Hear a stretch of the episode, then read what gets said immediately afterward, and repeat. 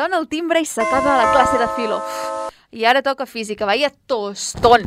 Entra la profe per la porta acompanyada d'una noia que no havíem vist mai amb un carpàs a la mà. I de cop, tota la classe recorda que avui no hi ha classe de física, no, sinó que hi ha una xerrada. Hi ha dues reaccions. Uns quants interpreten que tindran una hora pràcticament lliure Xerrada, xerrada. Eh, I uns quants altres interpreten que doncs, allò és un moment per prestar atenció al que està explicant aquella bona senyora. L'educació no es redueix, doncs, a aprendre una fórmula matemàtica o a saber fer un anàlisi sintàctic correcte. Va molt més enllà. En un moment de creixement personal i intel·lectual tan important com és l'adolescència, és essencial educar en valors. Però quins valors? Com es pot guanyar l'atenció dels adolescents? De quina manera s'han de dinamitzar les xerrades? Avui, a Racoseta, parlarem de les xerrades.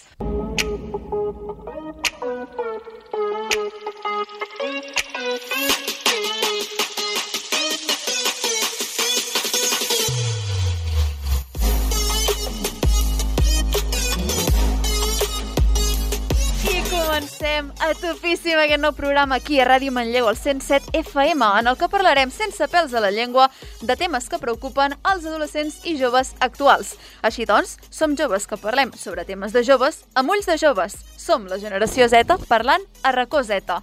Presentat el programa, ara sí, presentem el tremendo també equipo que tenim aquí amb nosaltres.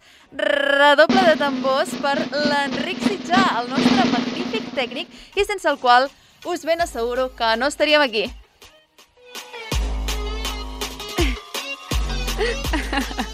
Presentem ara a la Laura Dueñas, estudiant de Comunicació Audiovisual, amb nosaltres i que doncs, té moltes, moltes, moltes coses a dir. Hola! Hola, hola, hola.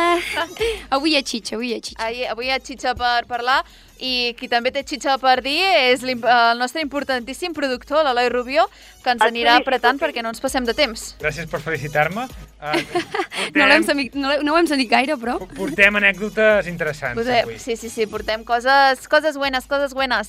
I últim, però no menys important, ni de tros, Ignasi Redorta, el community manager, que bé, ha delegat del càrrec amb la Laura Dueñas, és veritat. Uh, Que hem de buscar un càrrec. Sí, un hem càrrec. de buscar un càrrec... Esco- Faig de contactador Sí. amb, amb la gent ara. No Això, sí, Ajudant de això és Tasca, tasca important i, i molt complicada. Eh, ¿Has galletas? afegir una cosa. Digues. Jo era el típic nen de la classe que feia preguntes a la xerrada. M'agrada, m'agrada. Aquí veurem doncs, totes les diverses opcions que hi havia a l'hora de fer una xerrada. Com et presentaves, no? Però bé, ara em toca presentar-me a mi, com que a l'Ignasi no l'agrada la meva presentació, que ja m'ha deixat molt clar, uh, diré que ja... Xitxeriment. no us preocupeu. Uh, ara, doncs, això, pel final, la Laia, la Laia Junquera, que sóc jo, intentaré no cagar-la conduint la màquina del programa. Hola, bones. Comencem, doncs, Racoseta.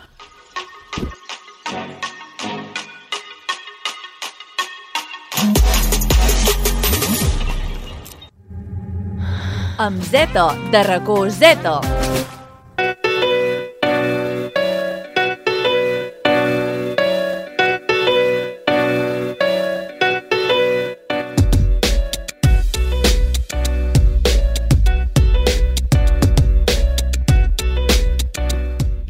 L'educació s'ha convertit en un pilar fonamental, una eina i una solució davant de conductes que atenten contra la convivència lliure i pacífica a la nostra societat.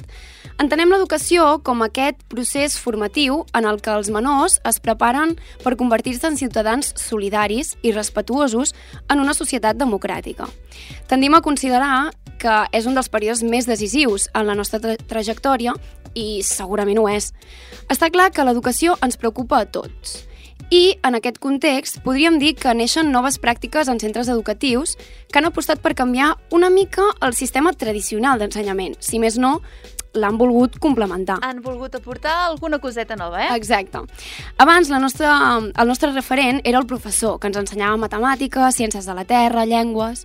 Però avui en dia hi ha coneixements que van molt més enllà i que per la seva complexitat en el context que es produeixen requereixen la col·laboració d'experts de diferents camps, d'educació sexual, amb, amb el bullying, de les xarxes socials, de l'alimentació saludable, la violència de gènere, orientació professional i així una llarga etcètera, llista. etcètera, etcètera. Per això, els centres educatius han facilitat i dinamitzat activitats formatives i espais de diàleg.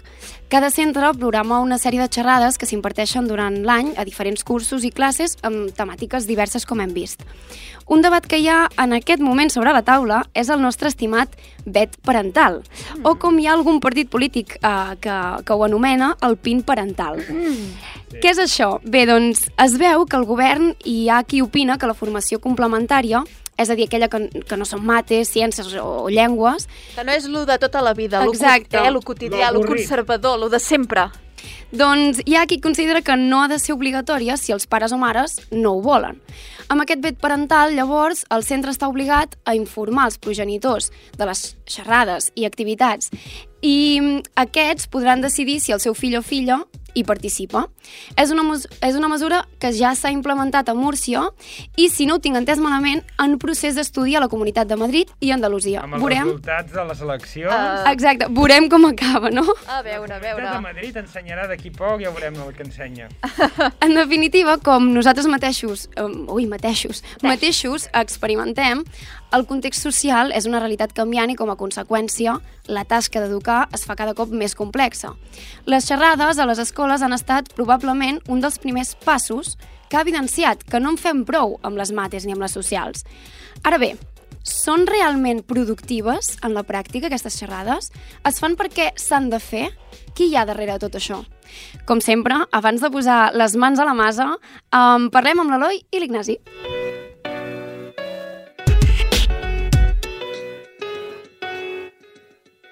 Jo també escolto Racó Zeta.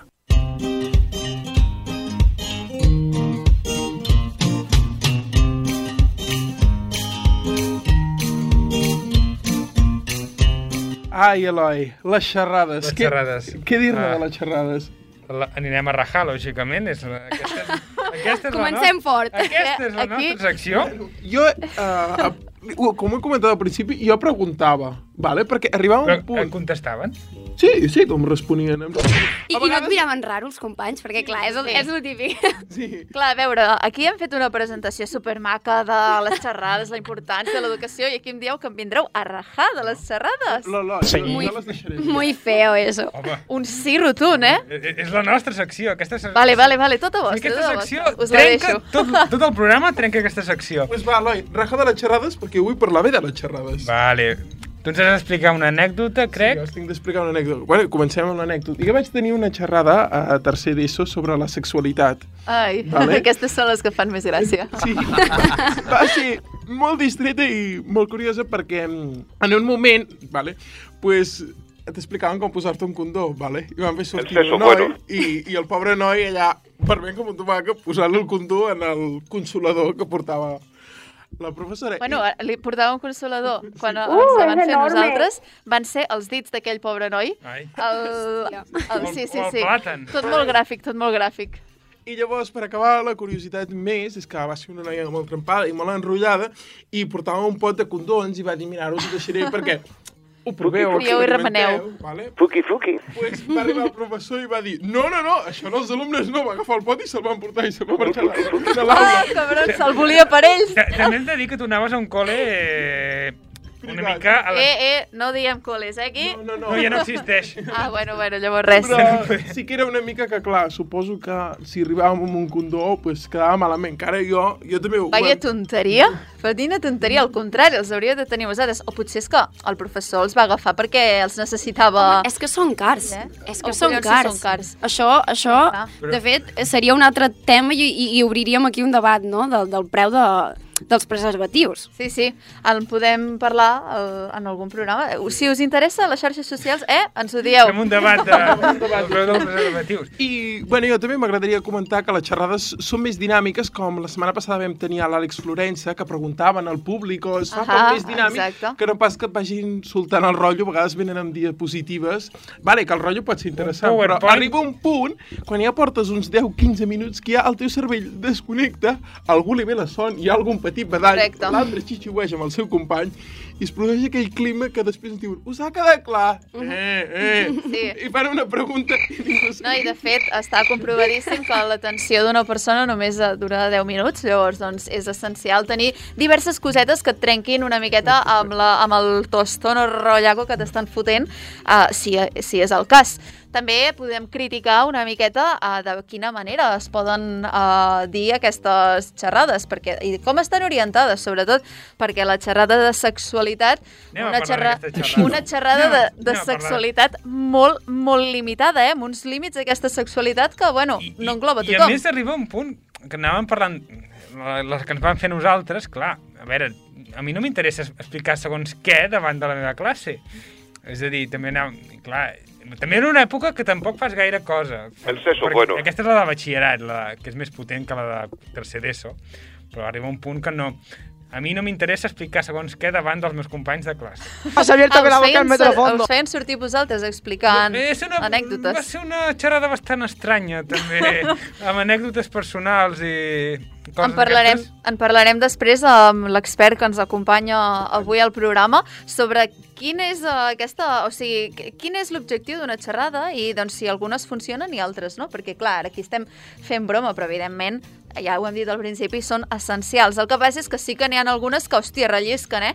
I també de, quan les fèiem nosaltres no és el mateix de les que hi hauran ara. Ho, també ho veurem més endavant. Però espero, Sí, segurament. espero que sigui més alguna més dinàmica i no, no tant una xerrada amb un PowerPoint de 1999. ah, La típica. Oye, menys, eh, amb el Amb- amb Comic 1999. Sans. bueno, la Comic Sans sí que això és bastant criminal, aquest estil Podem. de lletra. No, i, i, I a més, també jo crec i espero um, que s'hagi donat un, un, una, una altra volta al, al tema de les xerrades en un sentit de, per exemple, aquesta que comentàvem de la sexualitat, no? Ostres, que a mi a quart d'ESO potser m'expliquis com es posa un condó, explica-m'ho primer o segon. Bastard, bastard. Exacte, no? Bastard. I no perquè vagi a tenir relacions sexuals, sinó perquè potser quart, amb tot això de les xarxes socials, i ja sé, potser com es posa un condó, per tant, ensenya-m'ho abans. I jo espero també que s'hagi fet aquest replantejament i de- d'anar una mica més enllà i deixar això del pudor i no perquè d'això no es pot parlar, no, no, anem al gra, Però- parla'm de lo real, I no? Lai, aquí, Recoseta, m'agradaria recordar, bueno, que parlarem que sempre hi ha les típiques xarxes socials. Alcohol, drogues, sexualitat, Ah, correcte. uh, bullying... No n'hi ha més de xerrades? Ai, jo, Això és Botifarra negra, botifarra de... jo si expliqués una xerrada que ens van fer a l'institut, poder ens tanquen el programa, perquè va venir un polític eh, abans d'unes eleccions a explicar-nos com funcionava una institució. Pues, no vull, no vull eh, donar detalls.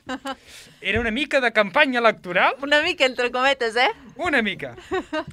Um, no, no, no, no, no ho explicaré, no ho explicaré perquè vull que aquest pro- programa continuï molt temps. Clar, la qüestió de, de tot això sí que fem la conya, ja repeteixo, fem la conya i superbé, però evidentment, com recordo, són importants i ara mateix uh, veurem si la, les xerrades doncs, han obert una miqueta els seus uh, horitzons i ja s'han expandit a tractar molts més temes molt importants. Jo vaig trobar a faltar una xerrada de com fer la declaració de la renta. Això- Perdona, eh, perquè jo uh, encara em perdo. Exacte. Encara em perdo. A batxillerat, Ah, això es exactament. podria haver fet perfectament. I no tant parlar-te de sexualitat heterosexual, que tu Exacte. penses, perdona, però aquí la meitat de la gent no és hetero, però ok, eh, no passa res, jo miro com posar un condó, Sem no et sembla que t'ho diuen, però t'ho deixen anar de dir, eh, això no és, no és el, el, el, com la base de tot, però... Eh, no és l'únic, però no és l'únic, però ja- és el que t'ensenyem. Sí, és el que t'ensenyem. La resta ja, ja exploraràs tu, eh? Ja O, la, o, o fins i tot ho podem lligar amb el programa, amb l'altre programa que vam fer de drogues, Uh -huh. allò que vam dir, clar, ja, oh, les, sempre és, les drogues són dolentes, Exacte. però I, la de gent es fet, droga igual. l'Àlex Florença ens va molt ben explicar que ell, la manera de que tenia d'impartir les xerrades era completament diferent. Era, doncs, eh, arribar al més al tu i no pas al què, no? De què passa si... Exacte, sí, Tothom sí, ho sap ben què passa si Ja, consumeixes. Uh, però realment cap on pots arribar, no? Doncs és això d'intentar arribar als adolescents, que també és una cosa que tractarem avui, perquè com aconseguim arribar a una classe d'adolescents? Clar, Perquè com també és, és feina complicada, eh? Això jo ho entenc. Com s'aconsegueix? perquè ja estàs a fart de la física i el que vols és una miqueta d'animació. Però clar, si et venen a fotre un altre rotllaco, molta animació no tindràs. Què? Bueno,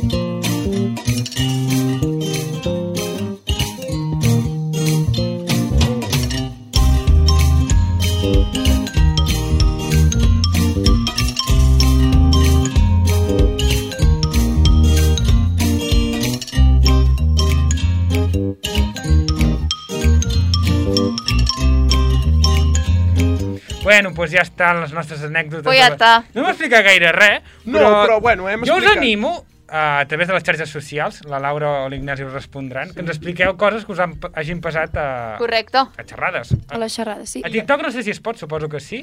Ens envieu un comentari, un direct. De... A mi em va passar això. I us respondrem. Exacte. I ara continuarem aprofundint més amb aquests experts, perquè jo en tinc moltes Ara, ganes. Laura, Eh, que els ara deixem la conya I ens a- posem serioses. Exactament.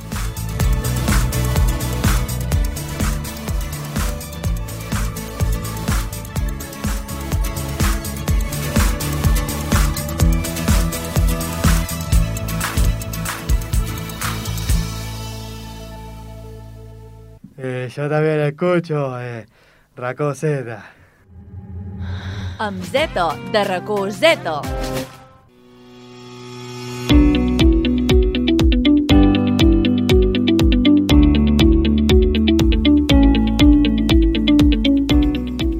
Fins ara hem introduït la temàtica, hem parlat d'aquelles curiositats que totes i tots hem viscut, però a l'hora d'interessar-se per fer les xerrades, qui ho fa? Els instituts? Les associacions? Com es gestionen? Com es dinamitza? Què, què passa aquí, no? Avui parlarem amb Joan Mitjavila, coordinador d'activitats internacionals de l'Institut Antoni Pous i Argila, d'aquí de Manlleu, sobre quin és el procés des de que un institut o associació s'interessa per fer una xerrada fins que ja està a l'aula, els alumnes escoltant i pim-pam. Hola, Joan, com estàs? Uh, hola, bona tarda, molt bé, molt content de ser aquí. Bé, primerament això, moltes gràcies per ser aquí avui en, a- en aquesta secció del programa Recoseta, parlant d'una miqueta de les xerrades.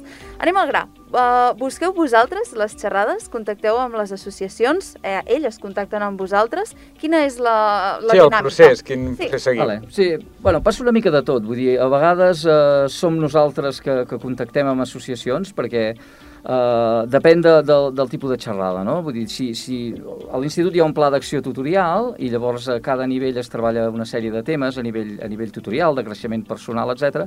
I a vegades doncs, ens interessa parlar d'uns temes i contactem nosaltres amb, amb associacions, eh, el que sigui. Això tant a nivell de, de tutoria com a nivell de, de matèries, també.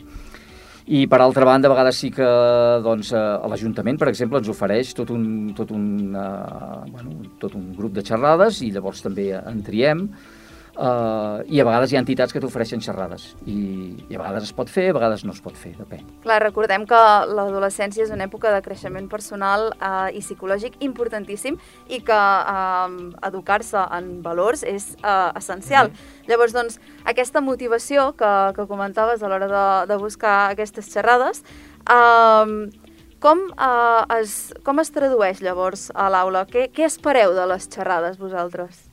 Sí, o sigui, co- com dius, eh, és veritat que l'època d'institut és una època de creixement eh, i, i de molts canvis. Vull dir, si, si penseu en vosaltres mateixos, no? com, com vau arribar a l'institut a primer d'ESO, que arribes que ets, et veus molt gran, però ets, Sí, ets, ets un nen, És un altre món. Un nen, una nena, no? Completament. I entres a i acabes a segon de batxillerat, que, que és una altra història, Sí, sí. vull dir, ja has, ja has canviat molt tu mateix, ja has crescut eh, molt i, i llavors és molt diferent. I per tant les xerrades, bueno, intenten ser una mica un acompanyament en tot aquest procés, no? que és una mica, jo diria que tots els centres educatius ho plantegem d'aquesta manera. Uh, I va una mica lligat al pla una part al pla d'acció tutorial, o sigui, la, la tutorització que, que fem de l'alumnat, uh, ja sigui a nivell grupal com a nivell de tutoria individual, que per exemple l'institut és com molt important, no? ser tutor d'uns quants alumnes, i és aquesta funció d'acompanyament.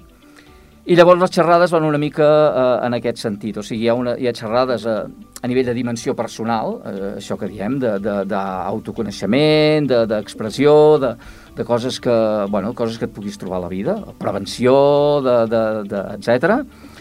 Uh, hi ha les de, de dimensió més social, diríem la cohesió de grup, el que és la, la coeducació, el respecte a la diversitat, uh, de participació a nivell de delegats, etc. I llavors hi ha xerrades, això, més a nivell de, de, de l'entorn, uh, del tipus de salut, uh, medi ambient, etc. Clar, hi ha molts temes a tractar, però una qüestió que també eh, m'apareix és uh, la manera de tractar aquests temes des de les associacions o des de vosaltres mateixos, des de l'institut.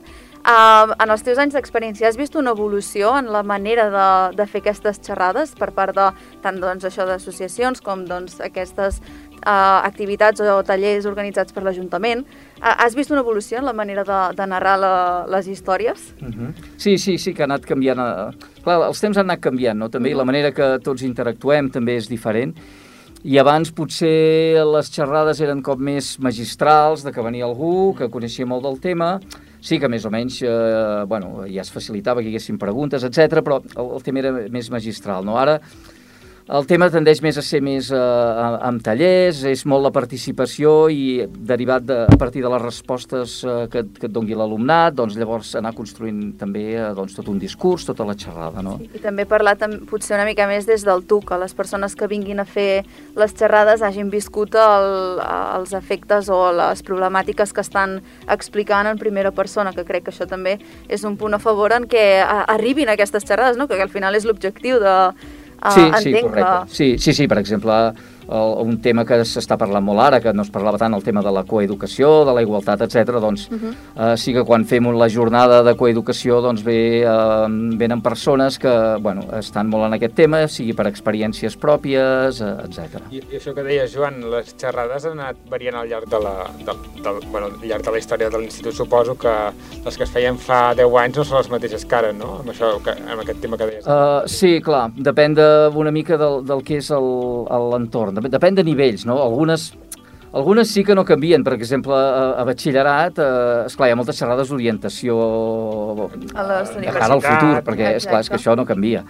Però quan és, parlem de temes de, de, de creixement personal, per exemple, eh, llavors sí que ha, ha canviat molt, perquè clar, el món està canviant constantment i, i per exemple, això, que el que dèiem de coeducació és un tema que, que ha anat creixent, creixent molt a, en aquests darrers anys. I cosa O que... fins i tot a batxillerat, abans que les xerrades potser eren simplement centrades en universitat, ara doncs s'ha obert el món a costa. Hi ha més coses que la universitat després de, Sí, sí, del sí, sí. batxillerat, per Mm. exemple. Uh, parlem d'objectius. Uh, com uh, L'objectiu és aquestes... Uh, entenc, perdó, que és que aquestes, xe- aquestes xerrades arribin als alumnes. Com ho Mm. reben uh, aquests alumnes? Uh, això, és, això és una mica més complicat de, de, És més de personal. saber, no? Uh, però sí que, per exemple, en moltes xerrades ara hi ha valoracions, uh, a vegades les, els tutors, tutores la- les rebem, a vegades les reben els, els ponents, però sí que cada vegada també és, és això, eh, es fomenta més la participació i la interacció i llavors eh, que hi hagi una mica de, de feedback amb, amb com eh, l'alumnat ho ha rebut, això. Uh, abans potser no hi era tant i sí que hi ha una part que no ho saps, vull dir, a vegades hi han coses que a, a un alumne li arriben, se la, potser se la queda i, i cap d'uns anys saps, ostres, no, és que saps, va passar això, vaig sentir aquesta xerrada i llavors uh, se'm va despertar això, no? Uh, Ah, Per tant, potser l'important és el, el quan, clar, potser no passarà en aquell moment, però aquesta xerrada que vas fer fa 3 anys, 4, 5, uh, en, el, en un moment on hi ha un, un moment de boom, per dir-ho Però- d'alguna manera, doncs llavors sorgeix i, hòstia, t'alegres de... Sí, sí, de sí, que- sí. Però també és una mica l'objectiu, no? que encara que no puguis aprofitar en aquell mateix moment, que aquesta, aquesta xerrada sigui útil al llarg de la teva vida, no només Sí, en aquella sí, sí, sí. etapa de l'institut. Bueno, jo penso que és una mica... Uh, amb el tema educatiu, és, és, a vegades els resultats no són immediats, no? sinó que no, són a llarg termini. I nosaltres, com a, com a formadors, vull dir, llences coses i és, per exemple, com jo que sóc eh, això, eh, responsable de, de temes internacionals, bueno, intentes fer projectes, intentes fer projectes... Mira, avui que és el Dia d'Europa, que és, eh, eh, per exemple, fem projectes e-twinning, etc, projectes europeus, hi ha gent que li entrarà el coquet aquest de, de, de... perquè vegin la gent que hi ha mons oberts hi ha moltes coses. Hi ha gent que, que reaccionarà i potser immediatament això, hi ha gent que bueno, eh, potser és el primer viatge que ha fet eh, i llavors doncs, bueno, té aquest interès i vol fer moltes més coses. Clar. I així passen, passen moltes coses a nivell educatiu. Vull dir. Vull dir, i també recordar que l'educació és un procés llarg i que sempre s'està aprenent a, a la vida i, evidentment, com bé, és que m'agrada molt el que has dit de que el que dius ara no, potser no serà uh, immediat, sinó que a llarg termini. Mm -hmm. um, a nivell d'aquesta... com ho reben uh, els alumnes, veieu algun canvi de, de conducta després o que els ha tocat o que uh, després, per exemple, a les hores de tutoria se'n parla d'aquestes xerrades? Sí, llavors a a l'hora de tutoria comentes eh, els temes de... Sí, eh, depèn del tipus de xerrada, eh, també, però Clar. sí que són temes que es comenten. a tutoria, tutoria individual, depèn, de, depèn del tipus de xerrada, però sí que, que es procura que no sigui eh, bueno, allò de que dius, mira, avui no tenim anglès perquè tenim una xerrada, eh, ostres, que bé, eh, fem la xerrada i ja s'ha acabat, sinó que, que pugui ser una cosa que té... Que hagi anat una mica Sí, més enllà. sí. Llavors, vosaltres com sabeu que una xerrada ha tingut èxit? Um, em- bueno, en principi, d'entrada, si veus la, la reacció de l'alumnat, uh, quina és la seva actitud durant la, la, la xerrada, doncs um, llavors, uh, bueno, uh, això ja és un indicador, Clar. i llavors tenim els indicadors propis de, de bueno, si hi ha avaluació de la xerrada, que moltes vegades hi és, doncs també és, és això, no? és, un, és un altre indicador que, que tu... Normalment és veient l'alumnat mateix ja, ja, Sí, ja, ja el tens. Jo crec que l'expressar-se i sobretot en aquestes parts, de, aquestes hores dedicades a la tutoria, a la cohesió de grup, etc.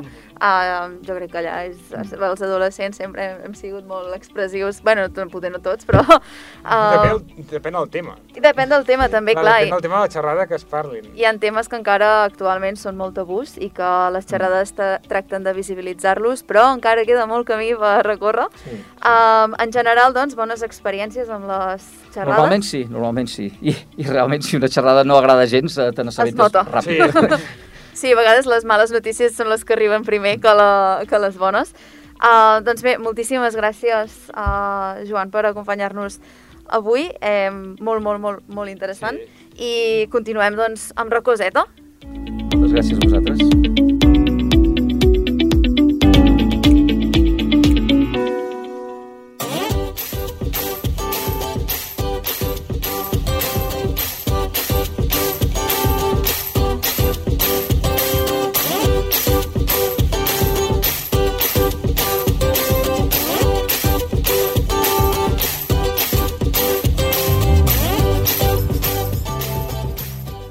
No només les xerrades ens ensenyen coses, i és que l'art té el poder de transportar-nos a mil imaginaris, mons i viatjar a llocs aparentment impossibles. Ara bé, també té la capacitat de fer-te sentir coses que mai hauries pensat, aquells sentiments tan estranys, i donar-nos a conèixer grans històries i, sobretot, grans lliçons. La música és potser una de les formes d'expressió artística que més arriben a qui escolten les melodies i qui me, les que més lliçons ens donen, tot i que també n'hi ha algunes que la lletra potser millor oblidar-la, eh? Patina, com has dit tu abans, patina. Patina, patina. Però anem a escoltar, eh? us hem preparat una llisteta de cançonetes, Interessants. eh, algunes una miqueta més lentetes i altres més animades, més canyeres, perquè ens posem una miqueta a to i mirem a veure quin missatge, què, què s'amaga darrere d'aquestes lletres, d'aquestes cançons tan i tan i tan conegudes. Comencem amb la primera.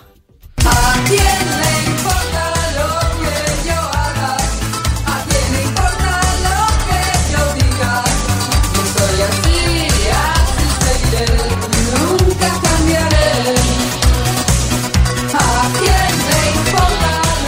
A tu t'importa, Laura? A mi, mm, no, a tu no t'importa. Ignasi? A tu t'importa, Eloi? Anem a dir una paraula que no puc dir. No, te, no, no pots dir. Vale, I a tu, Ignasi, tampoc... Ai, Ignasi. Ai, Ignasi. Home, home. Enric, perdona, perdona. dos? Tampoc Tampoc li importa, no. tampoc li importa. Eh, I és que la l'Àscar no pot ser més clara amb aquest missatge. Ens diu que siguis tu mateixa, que facis el que et surti d'allà baix i que no escoltis el que diguen els altres perquè els altres sempre van a fer bla bla i tu al final ets qui viu la teva vida. O sigui, que ens ho Exacte. deixa super claríssim amb aquest temazo que quan sona a rat Bueno, bueno, bueno. Molt reivindicatiu i s'ha fet molt famós, eh, Ah, aquest tema. correcte. I ta també va ressorgir una miqueta a Operació Triunfo. Eh, eh, Sí, i jo he de dir, no sé si sabeu de quin any és, perquè jo em sembla que també va ser bastant revolucionari, no? 80. De la... Jo diria que és Sí. dels 80. Exacte, clar, escriure jo crec que això el, el 80 també devia ser, no? Uns anys així de... I mira que, tot i escriure als 80, encara ara continua sent un dels himnes més importants a escoltar. que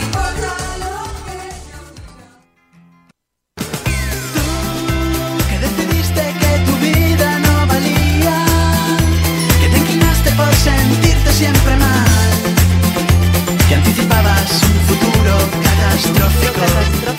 Porque què, porque tu quieres. Aquí parlàvem abans de uh, una miqueta doncs, aquestes xerrades de sexualitat, etc. Però aquí el missatge és claríssim, eh? Revoluciona sexualment, viu la teva sexualitat independentment de uh, la que tinguis i dels tabús i de totes les opressions que puguis viure, que malauradament encara són moltes, uh -huh. uh, però, oye, que posis el, el, a sobre la taula tot el que sents i pa'lante con todo. Relacionant-ho amb l'Alaska, no? Que visquis, Que visquis. la teva vida i la teva sexualitat. Pot ser que ho té hagi posat de moda un altre cop aquestes cançons. Uh, pot ser que les Sí. hagi posat de moda, però és que la Casa Azul ho peta i realment uh, tenen cada temazo i les seves lletres. Hòstia, doncs, uh, no sóc fan, eh? Vale? No sóc fan. Jo, de fet, els vaig conèixer amb, amb Merlí. Merlí posava A Merlí, va, sonora. sí, exacte, correcte. "Sí, m'agrada", I em van dir, no, però si això és vell. Això és vell. Bueno, ja m'entens, és d'ara. Sí, sí. Uh, però bé, uh, la Casa Azul ens ho deixa claríssim. A veure si la següent us sona una miqueta. to break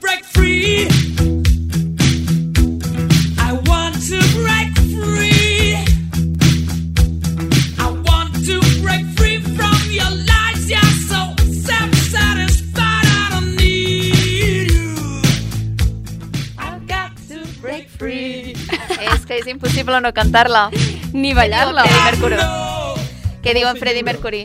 Que vol ser lliure, que, va, que vol estar... Eh, que deixis en pau, que, que el deixis en pau. Perquè Queen, si una cosa tenien és ser revolucionaris, en la Exacte. seva època ho van patar, eh, mare de Déu. O sigui, Tenim no. molta personalitat. Ah, correcte. Això va ser el que, va, el que va diferenciar dels altres grups. Mhm, totalment, i llavors doncs, més endavant també el crit reivindicatiu de Freddie Mercury eh, doncs també eh, super important i que encara ara continua sent un referent del col·lectiu espectacular. Un himne. Un himne, És un himne. És un himne. Sí, I sí. és que no t'ho pot dir més clar, i a sobre amb el, vídeo, amb el pedazo de videoclip que es van marcar, que va Exacte. tenir molta polèmica, però ell, ah, no, Podeu recuperar la història del primer programa de Recoseta, que en vam parlar d'aquest videoclip? és veritat, és veritat. Reviseu el podcast i eh, Reviseu ja el trobareu. podcast i mireu a veure què s'amaga darrere d'aquest videoclip, perquè hi va haver una miqueta de polèmica, també. We are the champions, my friends.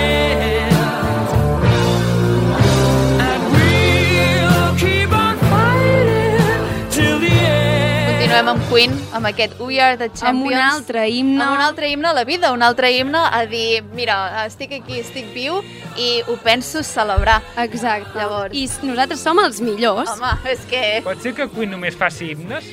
pot ser, pot ser, perquè tu, és que crec que no tenen, no tenen una cançó dolenta aquesta gent, no, no la tenen. Quina enveja. I la veritat, Aquesta cançó, per això, quan l'has posat, he pensat, dic, ai, que reivindica, i és veritat, som els millors, però és que s'ha utilitzat tant amb el futbol que jo he pensat... Bueno, això és veritat. se- Se'ls hi ha colat. Val, el deixeu d'utilitzar Queen! no, deixeu d'utilitzar Queen per als vostres uh, jocs de pilota, perquè Exacte. aquest himne venia a dir una altra cosa i la manera com la van crear també és molt interessant. Uh, us convido a explorar una miqueta sobre la vida i història de Queen. Ho farem, un ho grup, farem. Un grup molt interessant que espero que vingui a Barcelona d'una puta vegada, perquè està ja... Mal dit, mal dit, mal dit, però mal dit. Però, bueno, ha clar, sortit així del cor. és que em van deixar sense amb el Covid, clar.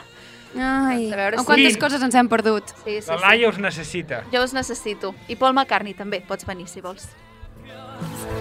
Let it be, let it be, let it be, let it be. Yeah, there will be an answer. Let it be. Amb el Let It Be, que Paul McCartney va escriure d'una manera bastant curiosa, també, amb un somni que va tenir ser mare. Bueno, també és que aquí Drogat? ja soc... Sí, les No, històries... no. bueno, Drogat Ai, no. Eloi, m'ho has xafat. Jo tenia aquesta cançó com molt nostàlgica i bonica. No, Ara no, que no, la, que no la va escriure drogat, que Ah, va ser un mal. somni.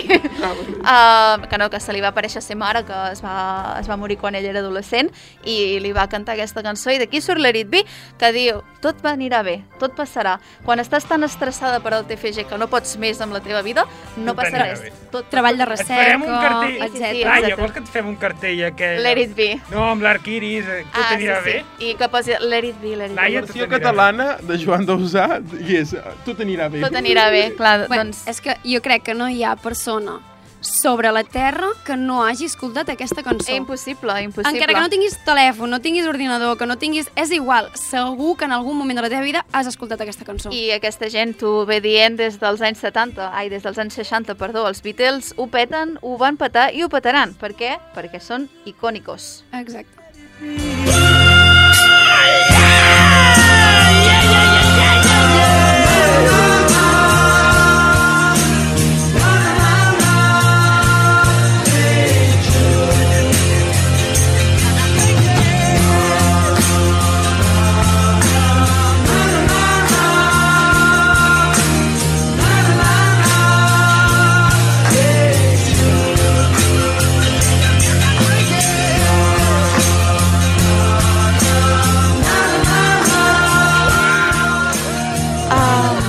continuem amb els Beatles, perquè aquest també és un altre himne enorme, una gran cançó que jo crec que també tothom l'ha escoltat, eh? I, Exacte. I la Laura ens podia dir unes quantes coses sobre aquesta cançó.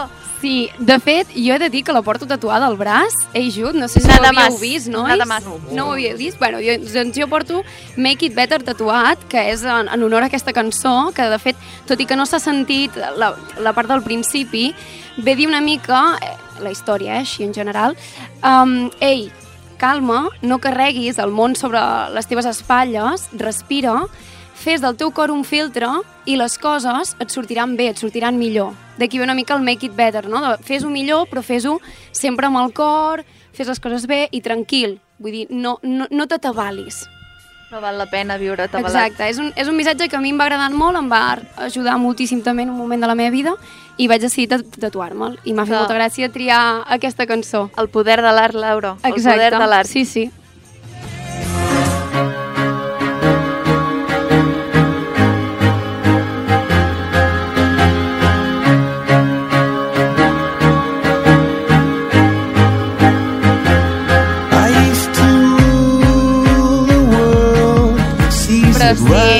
Si, parlem d'himne a la vida, aquesta, aquesta Sí. que es va marcar Coldplay, Sí. es va marcar un himne a la vida, que és que ja t'ho diu, la cançó es diu Viva la vida! És que ja no t'ho puc dir ni més clar. Jo vull fer un incís aquí. Jo sempre que escolto aquesta cançó uh, em recorda Ràdio Manlleu. Per perquè, què? eh, perquè quan era petit escoltava Ràdio Manlleu i la posava moltíssim. I sempre que I sona aquesta cançó tinc associat Ràdio Manlleu. hem de, hem de tornar a repetir el missatge de futbol, deixa d'agafar cançons, sisplau. Correcte, correcte. Una cosa que a mi m'agradaria comentar, que és que em- em fa, em fa pensar, no? que ara els grans temazos, eh, la, gairebé la majoria, podem dir que són reggaeton. Bueno, Temazos la- de- de- d'avui en dia que surten i es fan... I em fa gràcia perquè totes aquestes cançons les hem sentit de fa molts anys, de, de segurament quan érem petits, i, i, i donaven un missatge molt positiu no? a la societat en general. Vull dir que és una cosa a comentar i que està molt bé. Bé, també té de...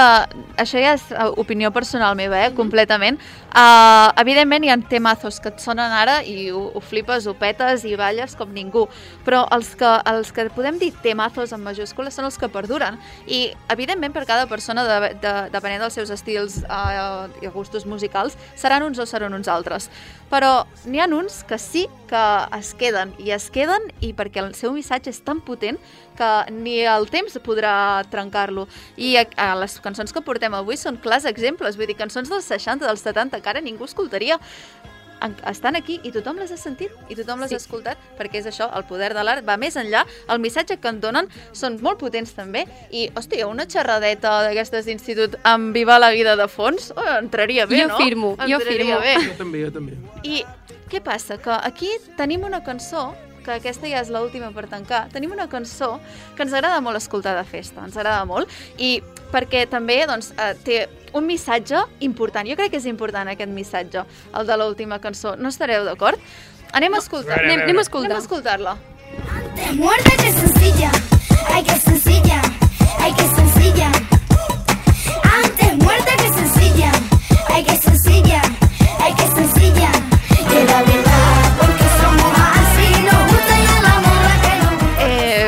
Veure, havíem de fer una mica de conya, no també? Perquè avui eh, ha sigut molt himne a la vida, però també havíem de parlar una miqueta de Antes muerta que sencilla. Per Maria favor. Isabel. La Maria Isabel aquí. un està. altre clàssic espanyol, espanyolete. Eh? Espanyolito, sí, Tothom sí, l'hem sí. l'hem sentit també. Però bueno, una Què se n'ha miqueta... fet d'aquest? Ara ja deu ser una... Uh, és noia- gran, és un i poco... no? Bueno, És de la nostra edat, no? Perquè me'n recordo que quan va sortir... Més o menys, era més o menys, sí. Sí, sí, era petitona, ja cantava allò. Sí, bueno, de ben petita ja tenia uns ideals clars, eh? Antes muerta que, que sencilla, o sigui... Jo També el... està bé reivindicar-ho, no? Antes sin vivir el- de pie que, mo- que vivir de, Claro. de rodillas. Algo así. Antes rímel. morir de pie que vivir de rodillas, algo així. El rímel i mucho potaje que veies a l'instante. Ja t'ho deia, aquestes uh, frases de... Claríssim. Claríssimament. El potaje tope. Sortien dels poetes del siglo de oro, però bueno, mm, ella, ella també t'ho deia. I jo crec que ens hem marcat una bona secció, la tanquem aquí, que més val marxar dignes Pot que... ser, pot ser que a Recoset estem fent una secció per cançons per quan tornem, puguem tornar a sortir de festa? Pot ser, però Per no, ho sé. recordar aquestes no ho cançons? descarto, no ho descarto.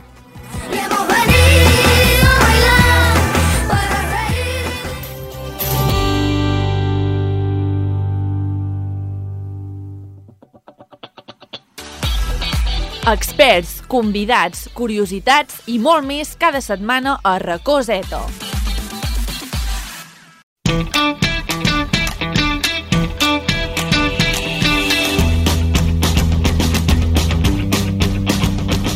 Bé, ara que ja hem rigut una estona, posem-nos serios. Avui, com a convidada experta, tenim la Rosa Canalet, tallerista per la CUS, coordinadora d'usuaris de la sanitat, una associació que es dedica a la resolució de conflictes sobre el consum i temes de sanitat. Molt bona tarda, Rosa, i moltes gràcies per venir a Ràdio Manlleu. Bona tarda. Uh, quin tipus de xerrades oferiu? Per les xerrades que acostumem a fer, la temàtica bàsica sempre és consum responsable, eh, des de coses més bàsiques com que a l'hora d'anar a comprar compris el que realment necessitis i no malgastis diners, és una cosa tan bàsica com aquesta, des d'una altra que les tendències actuals en el mercat és pues, tot el tema ecològic, el tema natural, per sempre els tallers també és cert, es van actualitzant en funció del que passa a nivell social, Uh, un altre sobre el tema de la sobirania alimentària, una mica donar a la volta uh, d'on ve el que realment estem menjant, és a dir, què està passant a darrere. Uh, I llavors hi ha un que és publicitat a les xarxes, que aquest no va tan lligat amb el tema de consum, però sí que a nivell de la publicitat, és a dir, què et fa consumir, seria el lligam. Clar, i més Però ara, sí. no? En un, en un moment on, on estem tan connectats tots, Exacte. al final és, jo crec que és, és més... consumir més publicitat a través de xarxes socials En els nostres no moments pas... d'oci, inconscientment estem consumint aquesta publicitat que ens porta a comprar amb un hiperenllaç, de, de seguida estem comprant, Molt, molt. molt senzill, estem en, hem entrat en el consumisme dur. Sense mesura. Sense És mesura. a dir, consumisme compulsiu actualment estem. Exacte. Bueno, n'hem d'aprendre, eh? També és veritat Sí. que n'hem d'aprendre, eh? Bueno, i aquestes xerrades, no, d'alguna manera, ajuden a, sobretot als joves que ara estan tan connectats tots i més les noves generacions, vull dir, jo ja potser no m'hi no acabo de comptar, no? Les generacions ja de, dels 10 anys, que ara de, deuen tenir 10 anys cap avall, tant de TikTok, vull dir que la majoria ja amb 12-13 anys ja comencen a tenir telèfon, vull dir, és important. Molt bé. I aquestes xerrades, perquè la Rosa vingui al nostre centre, com, com funciona? Quin és el, el procés previ que s'ha hagut de fer per, perquè vingueu en els centres? Com funcionen? Uh, és a dir, aquí se'ls donen a les escoles una cartera de tallers, de possibles tallers a escollir. I també és cert que hi ha unes petites recomanacions, eh? eh per segons quines edats, la, de què va el taller i una mica com funciona.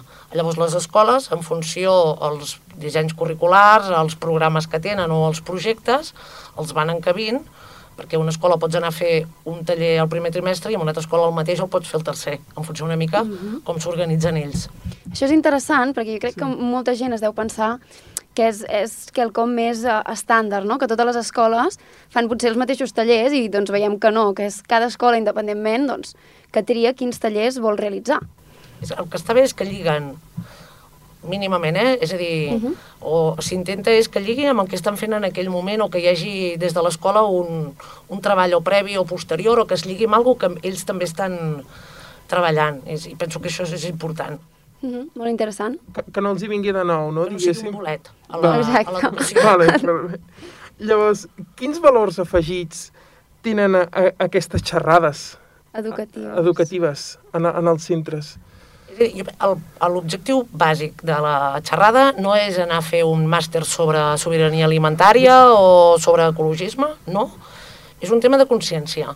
És a dir, És molt bàsic a nivell de, per una banda, conscienciar de la situació que hi ha, i què ens, què ens pot passar, i llavors eh, també mirar-nos a nosaltres a nivell d'actitud a l'hora com a consumidors. Val? El, el, el que és important és també despertar la curiositat o aquest coneixement que tu des d'una classe directament no ho faries, llavors, com que és un tema, un muntatge especial, amb unes dinàmiques, bueno, que li dona pues, un cert interès i també és veritat que profunditzes amb el tema, però sense voler donar màsters. És a dir, superimportant el tema de consciència i despertar curiositat i esperit crític. perquè t'agafo això que has dit de donar màsters, clar, llavors, si estem donant un màster, podríem prescindir d'una xerrada, per tant, eh, es podria tractar amb una classe normal, per tant, les xerrades eh, vinculat amb, amb això tenen un, un valor afegit, no? Ens comentaves, vull dir, desperten més curiositat, no?, a, a l'alumnat, Sí, vull dir, preguntar... no es, no es pot substituir una, una xerrada que tu vas a fer a una escola, per exemple, amb, amb un, el, el contingut que tu dones amb una, amb una classe tradicional, una classe amb un professor. No, jo penso que no, jo penso que és una molt bona manera. Primer és que les cares noves a les aules sempre són sanes, és a dir... S'agraeixen. Donen, donen aire, no?, en certa manera. I llavors és... Sí que és veritat, eh, que els alumnes, ells, és com si fossis el gran expert de tal cosa, no? Mhm. Sí. Uh, llavors, clar, com que també són dinàmiques, és a dir, no és que vagis i expliquis, sinó que fas interactuar a partir de preguntes, a partir de simulacions... Clar, això el que crea És molt interessant, això. Ah, és a dir, és, és una hora, però amb una concentració d'informació, perquè tot va, va com, bueno, organitzat i molt adaptat al grup que tens. És a dir, jo les activitats sí que és cert que sempre faig primer una part de baròmetre amb preguntes per saber la situació d'aquell grup i llavors readapto tot el que és la xerrada en si. Això està molt bé perquè trobo que és el punt clau de les xerrades, no? De dir, lo interessant no és tant el contingut com, com el fet aquest del canvi de, de l'estructura tradicional amb el professor d'això, sinó, ostres, ens ve una persona nova a parlar sobre un tema que no tractem mai a, a classe o que el tractem però no amb tanta profunditat, llavors tota l'atenció va cap a, cap a la persona convidada a l'institut i cap al tema que està explicant. I això que ens dius que és més dinàmic, ens fa preguntes, clar, sempre, el, venim d'un alumnat que sempre té el professor que li fa el mateix rotllo i a vegades el, el de matemàtic l'explica naturals i, i fa de tot, amb, amb algun centre. Clar, llavors, tema na, na, innovador i tot això és més diferent. I llavors, vinculat amb això, com sabeu si s'ha complert l'objectiu en una xerrada en un centre educatiu? Com ho saps tu, Rosa? Mira, en aquest s'ha complert perquè m'han demanat tal cosa o, o, o com ho, ho valores tu? Des de, allò de dir, quan marxes, de dir, s'ha complert o bueno, no els hi ha Ha, interessat. ha funcionat, no, el que he dit? Que marxis, que he dit jo, eh? És a dir, tu, uh, bueno, evidentment, eh? Vull dir, amb el temps aprens de tot Sí. i de voltar per moltes escoles. Eh, a la meitat de xerrada tu ja veus si tens uh, el grup captat, si estan atents, si els interessa. És a dir, A la meitat, eh? A la meitat ja hasta abans, parla, bueno, des de... Uh, bueno, des de la, la no? comunicació no verbal, de Sí. com estan uh, asseguts, això, eh, llavors, el tema de la mirada, no? de, i sobretot la implicació a l'activitat. Hi ha llocs, a vegades, que tu portes generalment presentacions i a la i t'has quedat a la tercera, perquè desperten tota una sèrie de preguntes i curiositats, inquietuds, i jo sempre dic, val la pena és a dir, no cal que jo acabi tota l'explicació si la necessitat real és aquesta. I clar, doncs, bueno, Mhm. això és un 10. És dir, vol dir que, bueno, anem super... Ara m'ha aconseguit. despertat una curiositat. Per zones del territori, no sé si voltes per tot Catalunya, hi ha uns...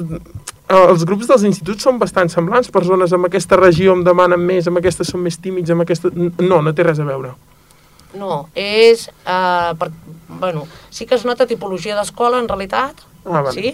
Mhm. o la tipologia d'alumnat que hi ha. Llavors, per això és molt important poder-ho poder-ho adaptar.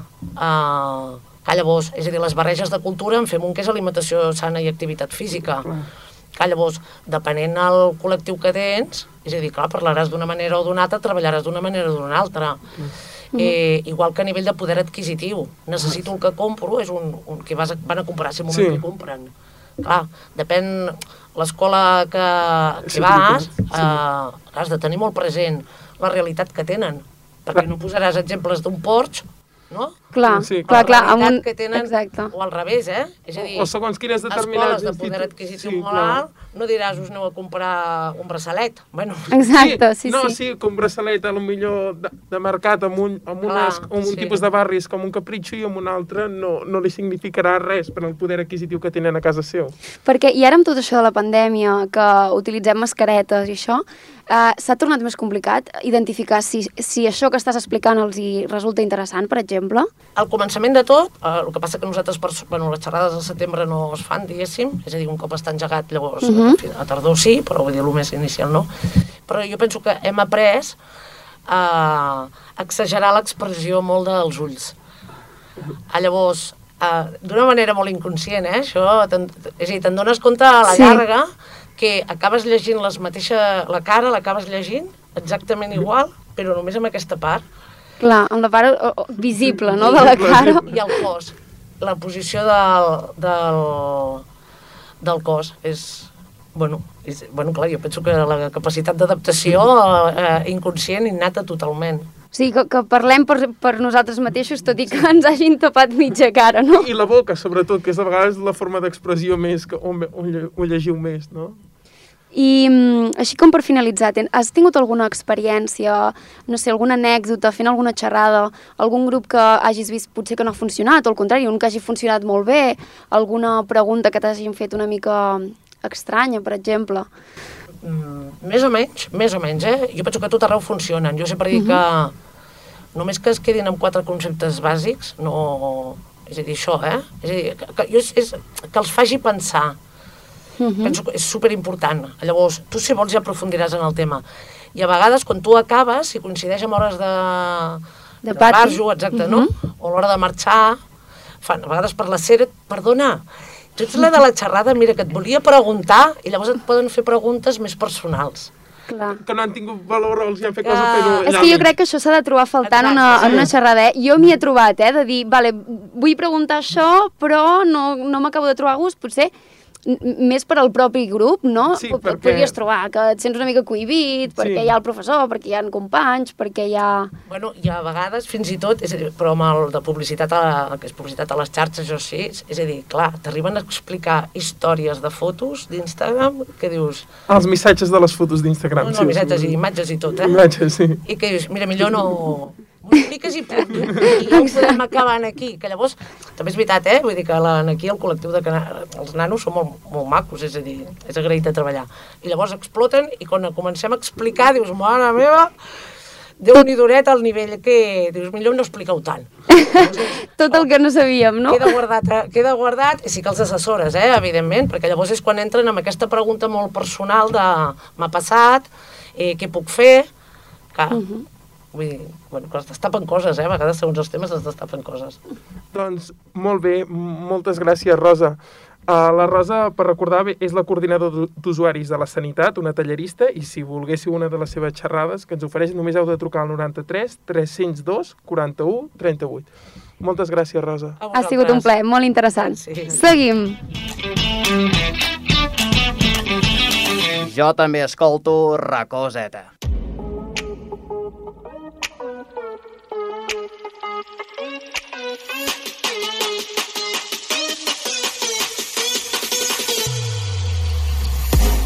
Dale, Enric, perfecte, ja sento els plors des d'aquí. Mm, sí, sí, sí.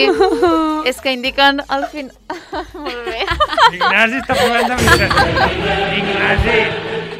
Ignasi. Eh, una gran interpretació, m'ha encantat. Que tornem la setmana que ve. No et preocupis. Va bé, tornem la setmana que ve, no et No et preocupis. preocupis, perquè us deixem amb una cançoneta i ens acomiadem del programa d'avui dedicat a les xerrades. Si ens agafeu just ara, no patiu pas, perquè ens podeu escoltar a través de la web de Ràdio Manlleu i també a les xarxes Instagram i TikTok, arroba racó barra baixa zeta barra baixa 107. Si busqueu racoseta, també us surt. Així que ara sí que sí, ens veiem la setmana que ve, el dimecres, a les 8 del vespre, aquí, a Racoseta. I